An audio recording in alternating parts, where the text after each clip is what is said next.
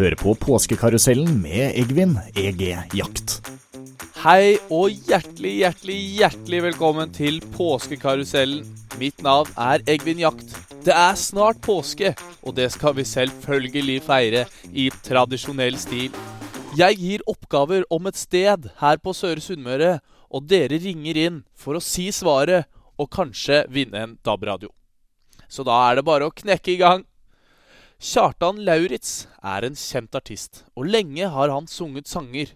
Men i 2016 så fant han en Hei, Hva er dette for noe? Hva er det for en lyd? Er det en innringer? Dere må hjelpe meg! Jeg er påskeharen, og jeg visste ikke hvor eller, eller hvor jeg skulle ringe. Jeg har mista alle påskeeggene mine.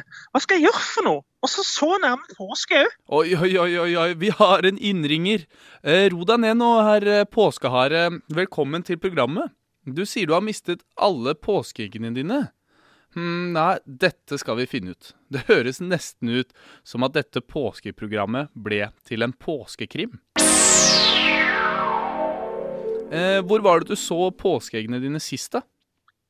Hm, da må jeg tenke. Jeg gikk rundt her i Volda for å planlegge påskeruta. Og ikke minst handle inn litt marsipan og Solo. Og så husker jeg, Da jeg gikk inn på Kiwien, så hadde jeg eggene i hendene. Så gikk jeg derimot mot Volda sentrum, og så fant jeg ut at jeg hadde jo ikke lenger eggene. Og så på bakken så fant jeg en gammel avis som sto datert eh, 1810. Og Den het noe sånt som eh, Norsk Landboerblad. Og jeg lurte på om jeg kunne tyde navnet til han Sivert Aarflot. Aha! Ja, jeg skjønner, jeg skjønner, herr påskehare. Tusen takk. Da har jeg mitt første sted å dra mot. Jeg må bare komme meg ut av studio her og etterforske. Jeg skal finne eggene dine! Da programleder Egvin EG Jakt drar ut for å finne eggene, blir det min jobb å være igjen her i studio. De her første ledetrådene leder vår programleder til avisa Møre.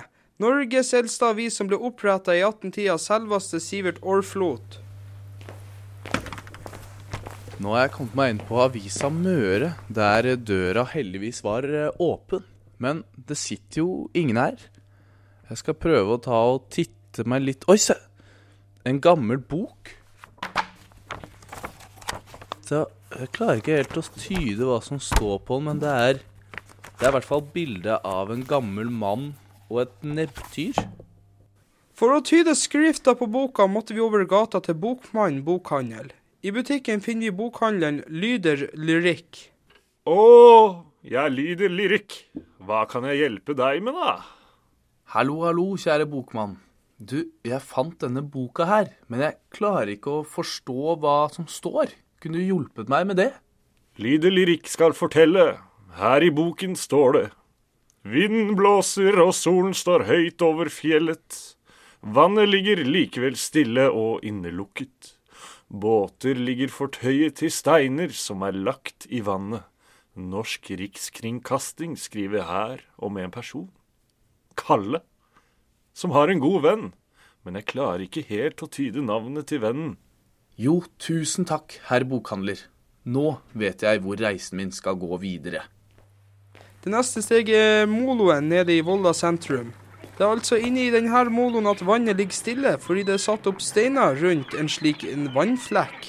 Dette NRK-programmet var det kjente barneprogrammet Kalle og Molo, selvfølgelig, som handler om en eldre herremann og hans snakkende nebbdyr. Hallo, hallo.